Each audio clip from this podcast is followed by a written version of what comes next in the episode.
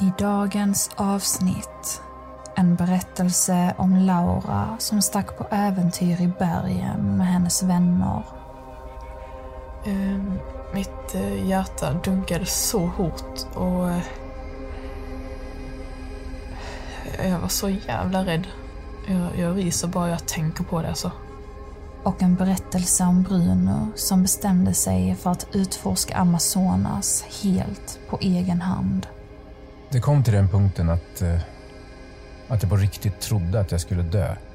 Det, det kändes hemskt. Detta är podcasten Do you wanna play a game? Med mig, Joy, där en berättelse är sann och en är falsk. Lyckas jag lura dig eller överlistar du mig och gissar rätt på vilken berättelse som är äkta? Svaret på det får du i slutet av detta avsnittet då jag avslöjar sanningen.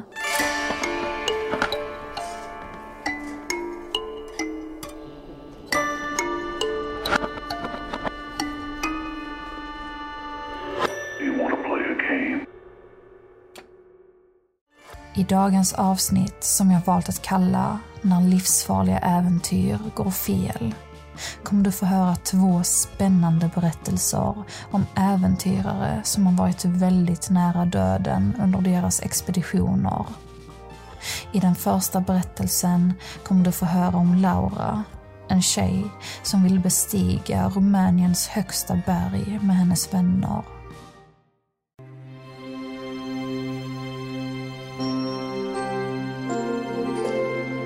Laura var en tjej som alltid hade älskat äventyr. När hon var liten älskade hon att utforska skogen, klättra på stenar och bygga kojor. När hon blev lite äldre började hon genast få intresse för att klättra på klätterväggar. Detta var ett intresse som skulle hålla i länge. Men hon hade inga tankar på att utbilda sig inom ett äventyrligt område utan bestämde sig istället för att läsa statsvetenskap på universitetsnivå. När hon hade tagit examen kände hon dock att det var dags för något nytt och hon började återigen falla in på den äventyrliga banan. Hon hade ett par vänner som precis som hon älskade äventyr och utmaningar. Och en dag när de träffades på en fika kom de på en idé. Jag var 22 år eh, och hade precis tagit examen. Och sen eh, så var det en dag jag och mina vänner bestämde oss för att vi skulle bestiga Moldoviano, som är ett berg i Rumänien. Berget är 2544 meter högt och är därmed det högsta berget i hela Rumänien. Det är lite mer än 300 meter högre än Sveriges högsta berg, Kebnekaise. Hur som helst bestämde sig vännerna för att påbörja bestigningen några dagar efter nyårsafton. I lite mer än ett halvår hade de förberett sig och nu var det dags. Det var Laura och fem andra. Deras namn var Isak, Andreas, Kaspar, Olivia och Tina. Det var en eh, kall vintermorgon när vi påbörjade bestigningen. Det både blåste och snöade, men det var liksom inte så illa så att vi behövde ställa in. De sa på nyheterna att eh, det skulle sluta blåsa och snöa senare på dagen. Överlag är Moldoviano ett berg som bestigs ofta, men detta sker mestadels på sommaren och våren. Under vintern är det oftast ödelagt, men vännerna ville ha en riktig utmaning och det fanns inget som sa att man inte fick bestiga berget under vintertid. Så gänget påbörjade sin resa upp mot toppen. Den första timmen var ganska tuff på grund av snön. Men sen blev det finare väder precis som de hade hört på väderprognosen. Så fort det slutade snöa och blåsa och blev en solig fin vinterdag gick allt mycket lättare. Gänget fortsatte trampa på och rörde sig nu framåt i en snabbare takt. Men vädret höll inte sig allt för länge. Snart tog det en markant vändning. Ja, vi hade gått i några timmar och sen så bara liksom kom det ett stort oväder. Det hade börjat snöa och blåsa igen. Snöflingorna var små och blåsten var hård, vilket resulterade i att gruppen hade svårt att se längre än någon meter framför dem. Snön på berget började även bli tjockare, vilket gjorde att det var tyngre att gå. Detta saktade ner gänget rejält. Efter ett tag stannade de och diskuterade vad de skulle göra. De hade ingen aning om stormen skulle bli värre eller om den skulle gå över. Men skulle den bli värre skulle det innebära en livsfara för alla sex och det ville de självklart undvika. Så till slut bestämde sig gruppen för att avbryta uppdraget och ta sig ner igen. Risken var alldeles för stor alltså. Vi kände liksom att det var inte värt det. Så um, vi tänkte återvända ner och sen försöka igen några dagar efter typ. Men det skulle inte bli ett andra försök. Vännerna skulle inte ens ta sig ner från berget som planerat. Tio minuter in i deras färd neråt kände alla hur marken under dem började skaka lite lätt. De alla stannade upp. Samtidigt kunde de höra ett mörkt, brusande ljud. Oroligt började de gå igen och ökade takten så mycket de kunde. Fem minuter senare började marken skaka ännu en gång och ljudet hördes igen. Men denna gången var det högre, som om någonting närmade sig dem. Nu stod det klart vad det var de hörde. Andreas, som tidigare jobbat i liknande miljöer under militären, kände igen detta ljud. Det var ljudet av en lavin. Nu var det bortom. En lavin går inte att springa ifrån när den väl är bakom en. Den rör sig alldeles för snabbt. Så nu kunde vännerna inte göra något annat än att hoppas att lavinerna inte skulle nå stället de befann sig på. För de skulle inte vara nere från berget på mer än fyra timmar. Ehm, mitt eh, hjärta dunkade så hårt och eh, Eh, jag var så jävla rädd. Jag, jag ryser bara jag tänker på det alltså. Sen hördes ljudet en tredje gång. Nu var lavinen väldigt nära. Gänget började inse att detta inte skulle sluta bra. Så alla la sig i panik på ryggen och började kasa ner för berget. Nästintill alla färdades i olika riktningar. Laura var en av dem som blev helt ensam. Hon åkte ner till en slät del av berget där en massa granar växte. Snabbt sprang hon fram till en tät skogsdunge och tog skydd. Sen hörde hon ljudet ännu en gång och detta var en av de högsta ljuden Laura någonsin hört. Det lät som om flera flygplan accelererade på en och samma gång kombinerat med det knäppande ljudet av träd och grenar som knäcktes på mitten när snön körde över dem. Strax därpå såg Laura som ett stort vitt moln framför henne och en sekund senare kom snön. Men snön rörde inte henne. Hon stod tätt mot en av de stora träden bakom henne och såg istället hur snön fortsatte förbi henne. Hon hade klarat sig. Än idag så kan jag inte riktigt fatta att jag klarade mig så. Jag, jag har fått höra historier om hur, hur laviner har förstört hela hus och sånt. Så, ja. Laura kände sig trygg för första gången på ett bra tag. Så hon fortsatte sin färd neråt, men nu på egen hand. Hon kollade sig ständigt omkring för att se om hon såg sina kompisar och lyssnade noga efter deras röster. Men hon kunde varken se eller höra något. Hon bestämde sig för att det var bättre att rädda sig själv än att leta, för då skulle hon kunna hämta hjälp nedanför berget och därmed även rädda sina kompisar om de nu befann sig i ett livshotande läge. Det gick en timme och det började bli kväll. Då hörde Laura något som hon inte trodde var möjligt.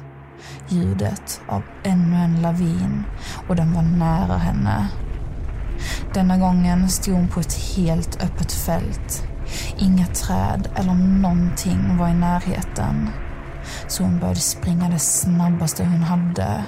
Men snön nådde ikapp henne. För som sagt kan ingen människa springa snabbare än en lavin rör sig. Allt omkring mig blev bara helt vitt. Och sen eh, tappade jag fotfästet. Så, så färdades jag bara framåt med snön liksom. Snön svepte med sig Laura i en enorm hastighet.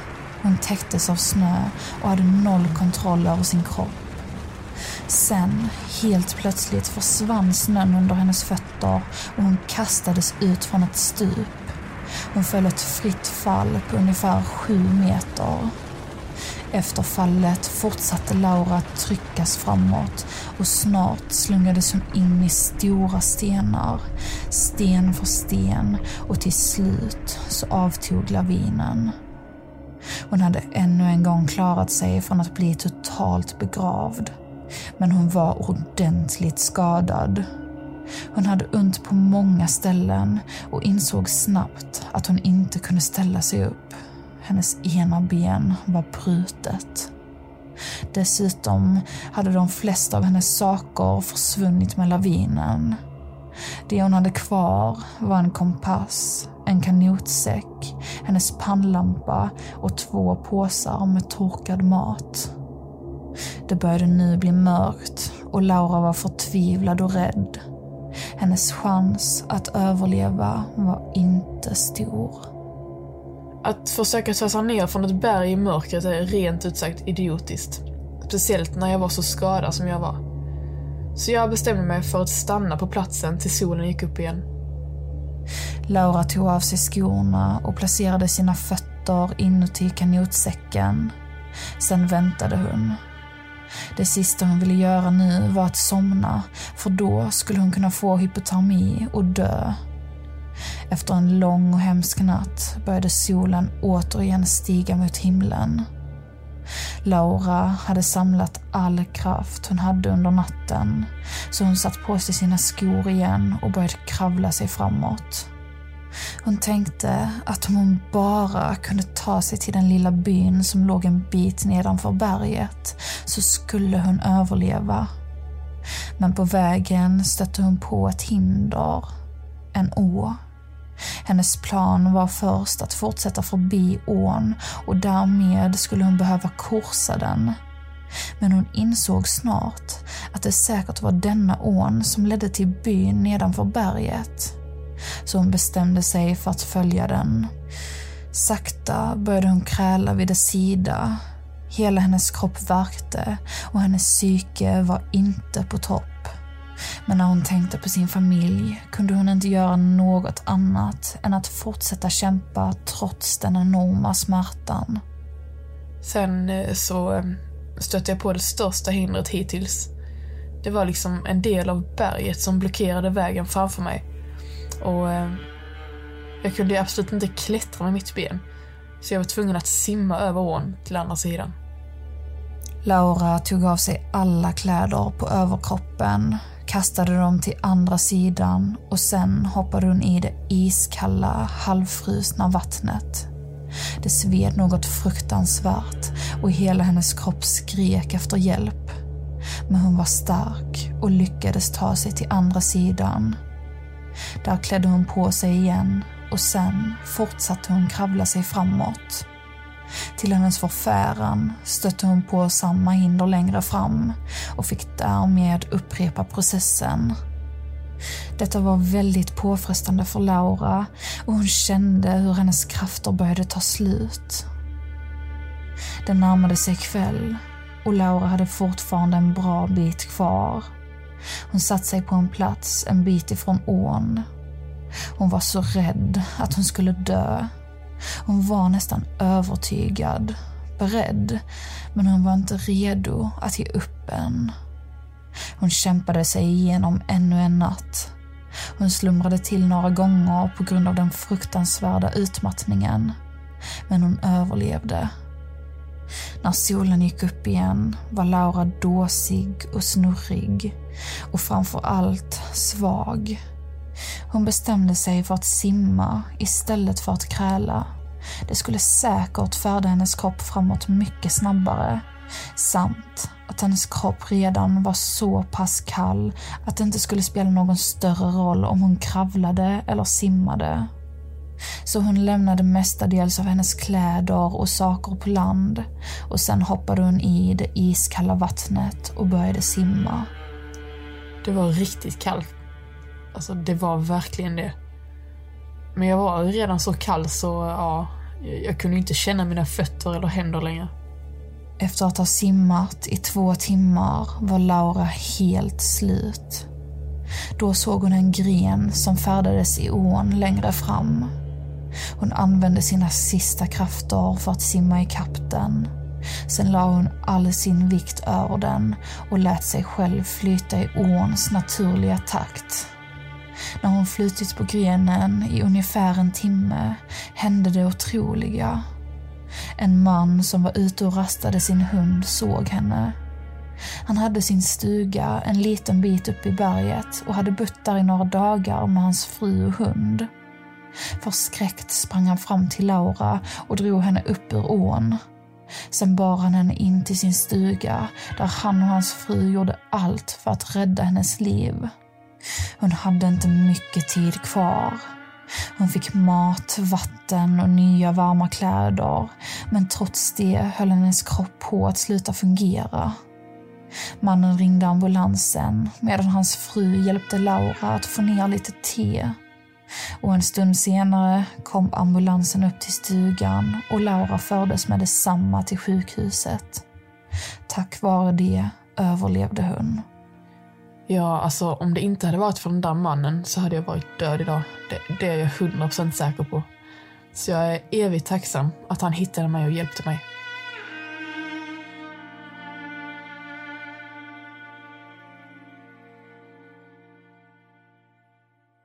Ett poddtips från Podplay. I podden Något Kaiko garanterar östgötarna Brutti och jag, Davva, dig en stor dos skratt. Där följer jag pladask för köttätandet igen. Man är lite som en jävla vampyr. Man har fått lite blodsmak och då måste man ha mer. Udda spaningar, fängslande anekdoter och en och annan arg rant. Jag måste ha mitt kaffe på morgonen för annars är jag ingen trevlig människa. Då är du ingen trevlig människa, punkt. Något Kaiko, hör du på Podplay. Därför är gardinerna. Det var allt för den första berättelsen. Men vi ska hoppa direkt in i den andra berättelsen om Bruno som till skillnad från Laura och hennes vänner valde att utforska i en varm miljö.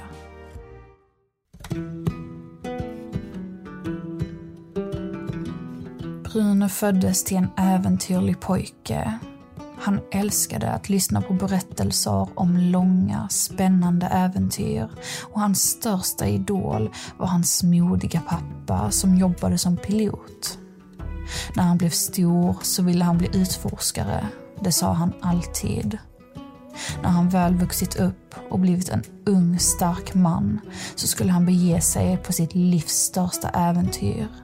Han skulle utforska Amazonas helt själv. Jag var ju 22 år gammal. Ung och pigg och sådär. Och den här resan som jag hade planerat den skulle ta sex månader ungefär. Så att eh, det skulle ju bli sex oförglömliga månader.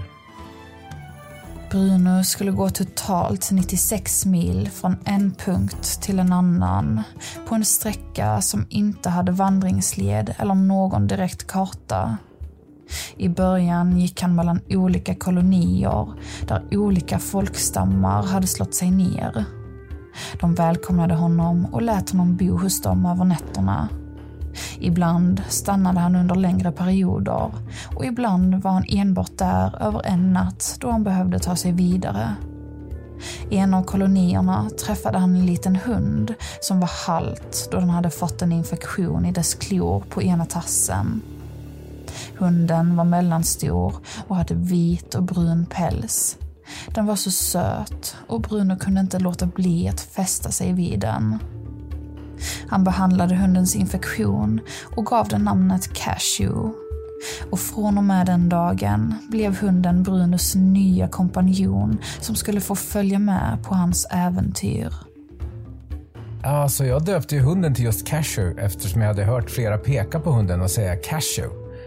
Och sen efter ett tag så fick jag lära mig att det betyder hund på deras språk. Så att, det, var, det var ju rätt kul. Nu började Bruno komma en ganska bra bit in i regnskogen, vilket betydde att det skulle vara ordentligt långa avstånd mellan kolonierna samt att folkstammarna längre in i skogen kanske inte skulle välkomna en människa från västvärlden i deras koloni då de sällan vistades så långt in i regnskogen. Därmed bestämde sig Bruno för att hyra två guider från den sista kolonin han befann sig på. Deras namn var Jeppe och Pim. Under de kommande tre månaderna skulle Bruno, Cashew, Jeppe och Pim ta sig längre och längre in i regnskogen tillsammans. Det var ett äventyr utan dess like. Bruno lärde sig väldigt mycket av guiderna. Utan dem hade han inte klarat sig ut levande. I en regnskog finns många faror som inte finns i vår industrialiserade värld som vi är vana vid. Ja, de, de lärde mig hur man jagar och vilka växter man kunde äta och vilka växter man inte kunde äta och sånt. Och liksom bara allmänna grejer om hur man överlever i en, i en regnskog. Innan äventyret hade Bruno lärt sig så mycket han bara kunde. Han hade lyssnat på andra äventyrare, läst böcker och massa mer. Hela hans liv hade byggt upp till detta momentet. En av sakerna han hade lärt sig på förhand var att han skulle hålla sig borta från områden där illegala gruvarbetare höll hus, då dessa kan bli väldigt farliga. Men detta var något Bruno inte tog jättestor hänsyn till. Nej, alltså jag tänkte bara vara rykten, att de inte var så farliga som de påstod.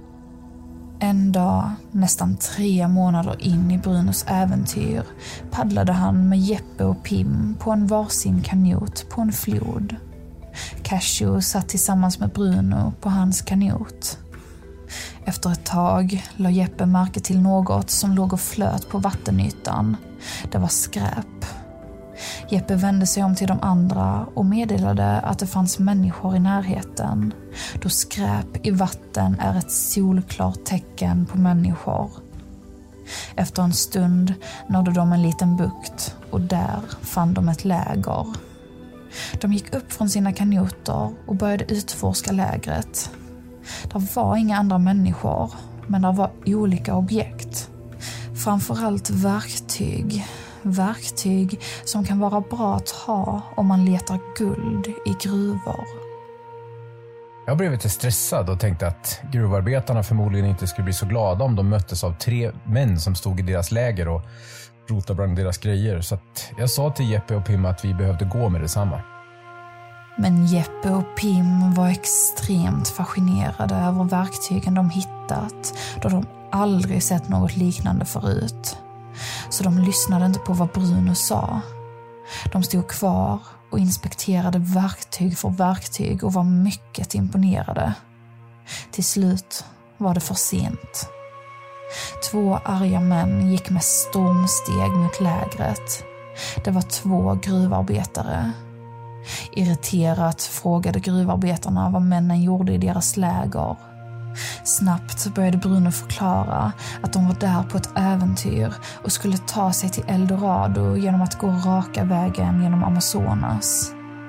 Med tanke på att Bruno, Jeppe och Pim inte hade några direkta vapen eller något utrymme i deras packningar för att sno saker i gruvarbetarnas läger samt att Jeppe och Pim stod och var fascinerade över en konservöppnare vid just det tillfället så valde gruvarbetarna att tro på Bruno.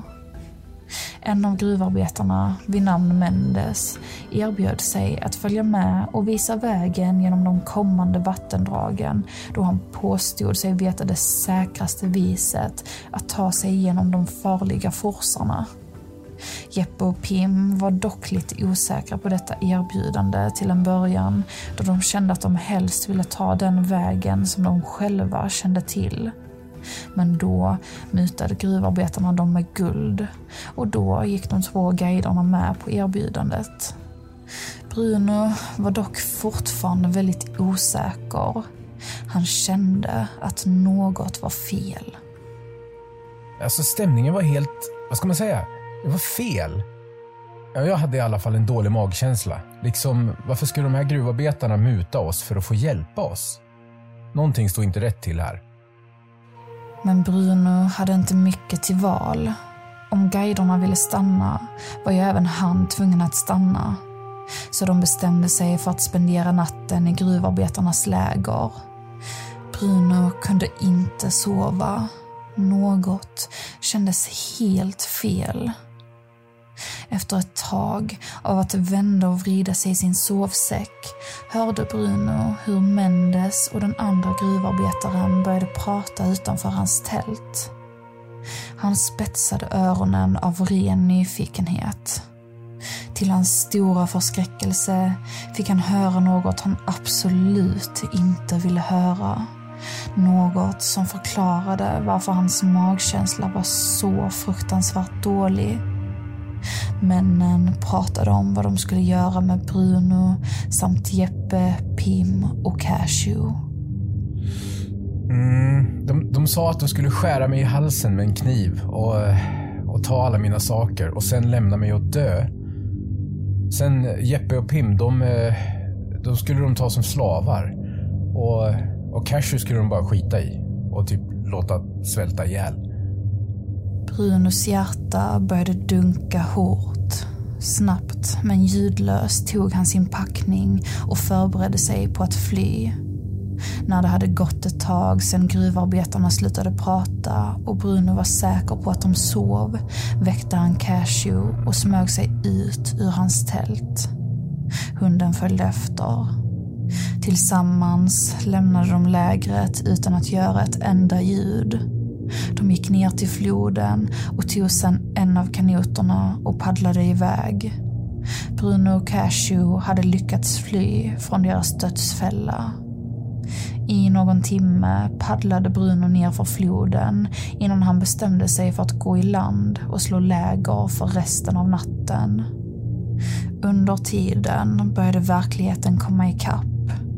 Han var nu helt ensam, mitt ute i Amazonas regnskog med begränsad kunskap om hur man överlever i ett sånt förhållande.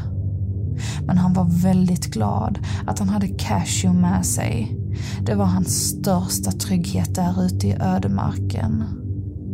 Till slut lyckades Bruno somna med Cashew tätt intill honom. Nästa dag bestämde sig Bruno för att kolla igenom alla saker han hade.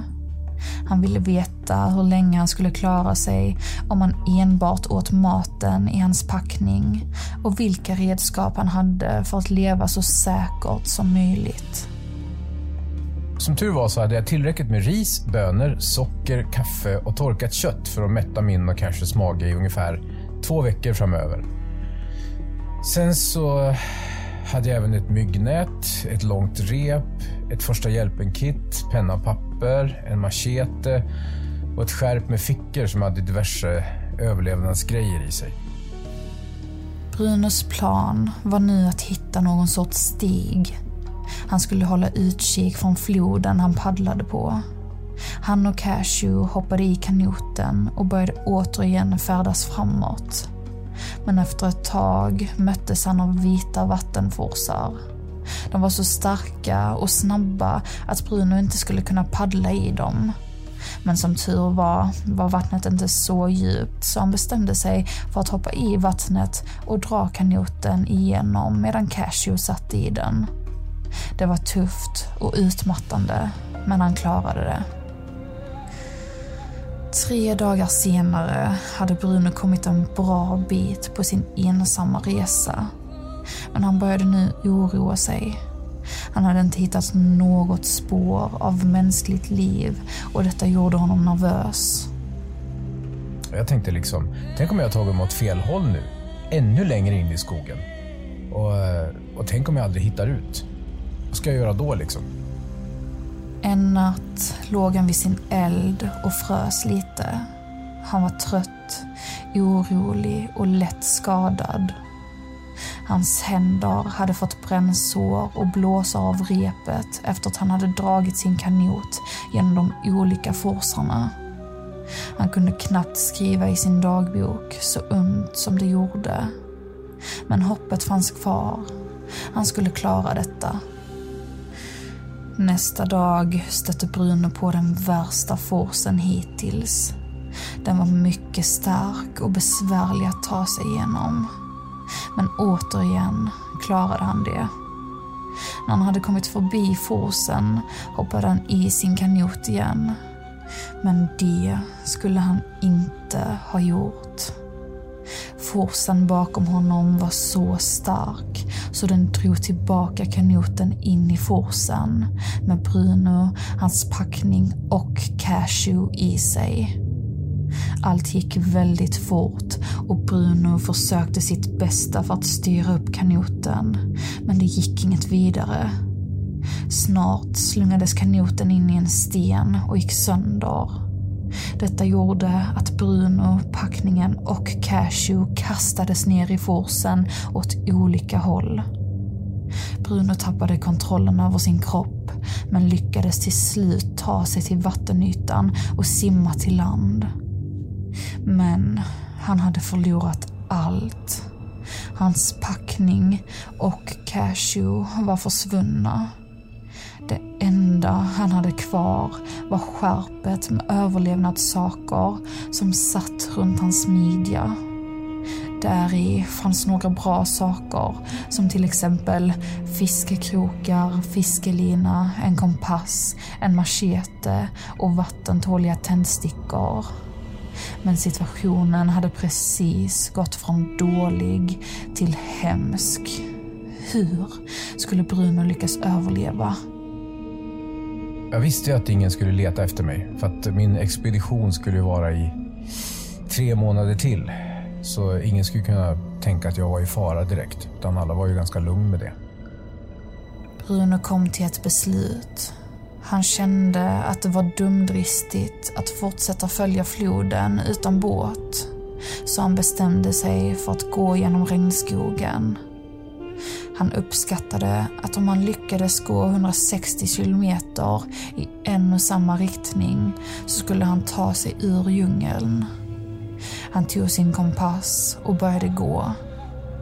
Han klättrade över stora stockar och genom tjocka snår.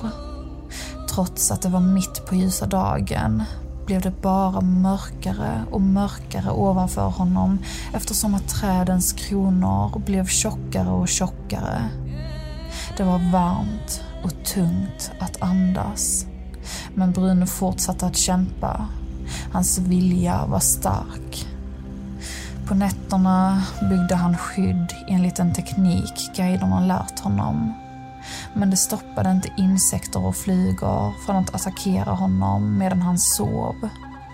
Han levde på frukt och grönt som han hittade längs vägen och drack vatten som han fann på olika ställen. Fyra dagar efter kanotolyckan så hade jag bara enbart gått 6,5 kilometer. Så det var riktigt tufft att ta sig fram, det var det. Och det gjorde inte saken bättre. Jag, jag började tappa hoppet helt enkelt. Nu började Bruno även bli paranoid.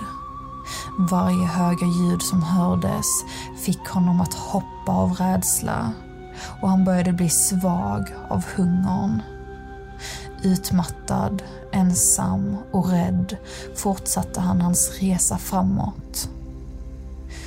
Dag 11 hade han vandrat ungefär 40 kilometer men nu var han riktigt svag. Han var så hungrig och så törstig. Hans hud började klia på grund av den höga fukten i luften vilket gjorde att han fick plitor och sår. Dessutom fick han olika insektsbett som även de kliade, men han gav inte upp. Efter ett tag insåg han dock en sak som kändes som en dödsdom. Bruno hade fått malaria av ett myggbett. På dag 13 började malarian verkligen kicka in. I ena sekunden frös han och i andra sekunden svettades han. Han kände sig även väldigt förvirrad och snurrig. Det kom till den punkten att, eh, att jag på riktigt trodde att jag skulle dö. Det, det kändes hemskt. Men Bruno fortsatte att snubbla sig framåt. Snart hörde han hur något rörde sig bakom honom. Paranoid som han var trodde han att han var förföljd av en jaguar. Men när han vände sig om såg han en syn som gjorde honom glad. Det var Cashew. På något vis hade den brunvita hunden lyckats hitta sin husse efter att ha varit ensam i två veckor. Det gav mig verkligen hopp när jag såg att Cashew hade hittat mig. Det, det gjorde det. På dag 20 hade Bruno lyckats ta sig 112 kilometer framåt. Både han och Cashew var svaga. Brunos malaria var nu fullt utvecklad och han mådde inte bra. Samtidigt gjorde svälten honom galen. Dag 26 fick han en tanke. En hemsk, hemsk tanke om att äta upp sin hund. Desperat smög han sig upp bakom den stackars lilla hunden och dödade den. Han tillagade dess kött över en eld och började sen äta. Men eftersom det var så länge sedan han hade ätit ville inte hans mage behålla maten. Så han spydde upp allting igen. Han hade mördat sin hund för inget. Nu var han ensam igen, helt förgäves. Att äta cashew var... Ja, men det var min sista chans att överleva. Såg jag det som. Och, och när jag inte fick behålla maten, då var jag helt säker på att jag skulle dö. Bruno låg nu på marken, helt slut. Han hade gett upp. Men då såg han något som ännu en gång gav honom hopp. Ett bambuskott som låg på marken och hade blivit avskuret på mitten. Människor var i närheten, för det där bambuskottet var skuret med en kniv. Han ställde sig upp och började sakta ta steg framåt. Han såg suddigt och var snurrig. Han föll flera gånger. Men helt plötsligt möttes han av ett öppet fält. Bruno steg ut i solljuset för första gången på en månad. Han befann sig nu på en bondes åker och det dröjde inte länge innan bunden fick syn på honom.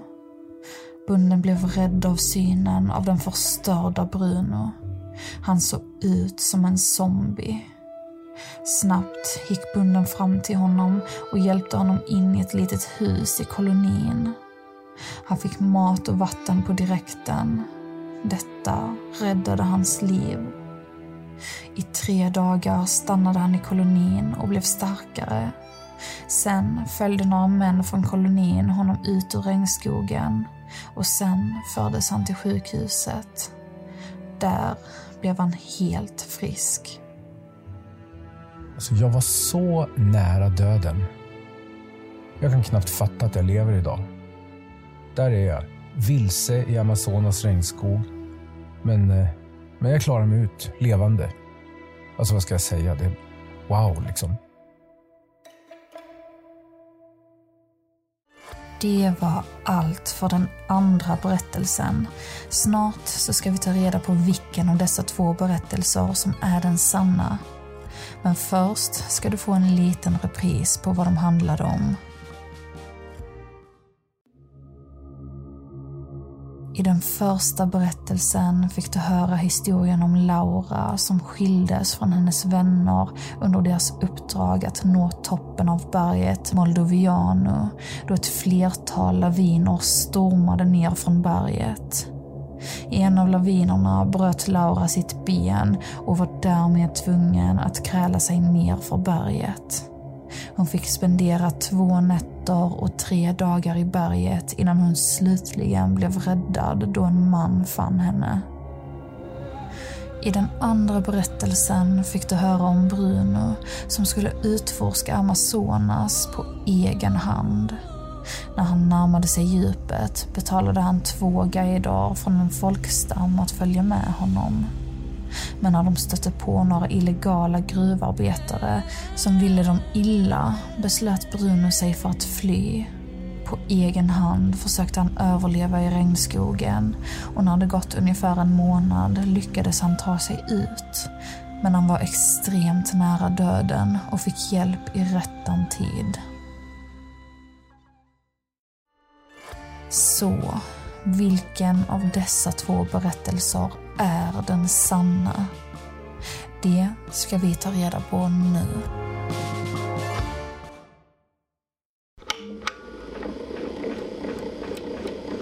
Hej! Mitt namn är Stefan Hallgren och jag har varit röstskådespelare till Bruno. Och den här berättelsen är sann. Berättelsen om Bruno är alltså den sanna. Var det din gissning? Eller gissade du på att Lauras berättelse var den sanna? För det var den inte. Den har jag hittat på själv. Men Bruno från den sanna berättelsen heter egentligen inte Bruno. Hans riktiga namn är egentligen Benedict Allen. Och om du vill se bilder på honom och läsa lite extra om fallet kan du följa min Instagram Do you want to play a game podcast. Där kommer jag lägga upp mer om Benedict om några dagar. Det var allt för det här avsnittet. Du får jättegärna prenumerera på denna podcasten och gå in på podcaster slash iTunes och skriva en recension. Det skulle göra mig jätteglad.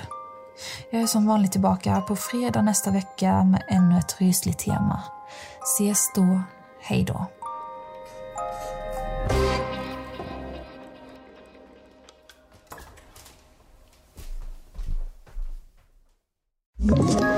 Ett poddtips från Podplay. I fallen jag aldrig glömmer djupdyker Hasse Aro i arbetet bakom några av Sveriges mest uppseendeväckande brottsutredningar. Går vi in med hemlig telefonavlyssning och, och då upplever vi att vi får en total förändring av hans beteende. Vad är det som händer nu? Vem är det som läcker? Och så säger han att jag är kriminell, jag har varit kriminell i hela mitt liv men att mörda ett barn, där går min gräns. Nya säsongen av Fallen jag aldrig glömmer på Podplay.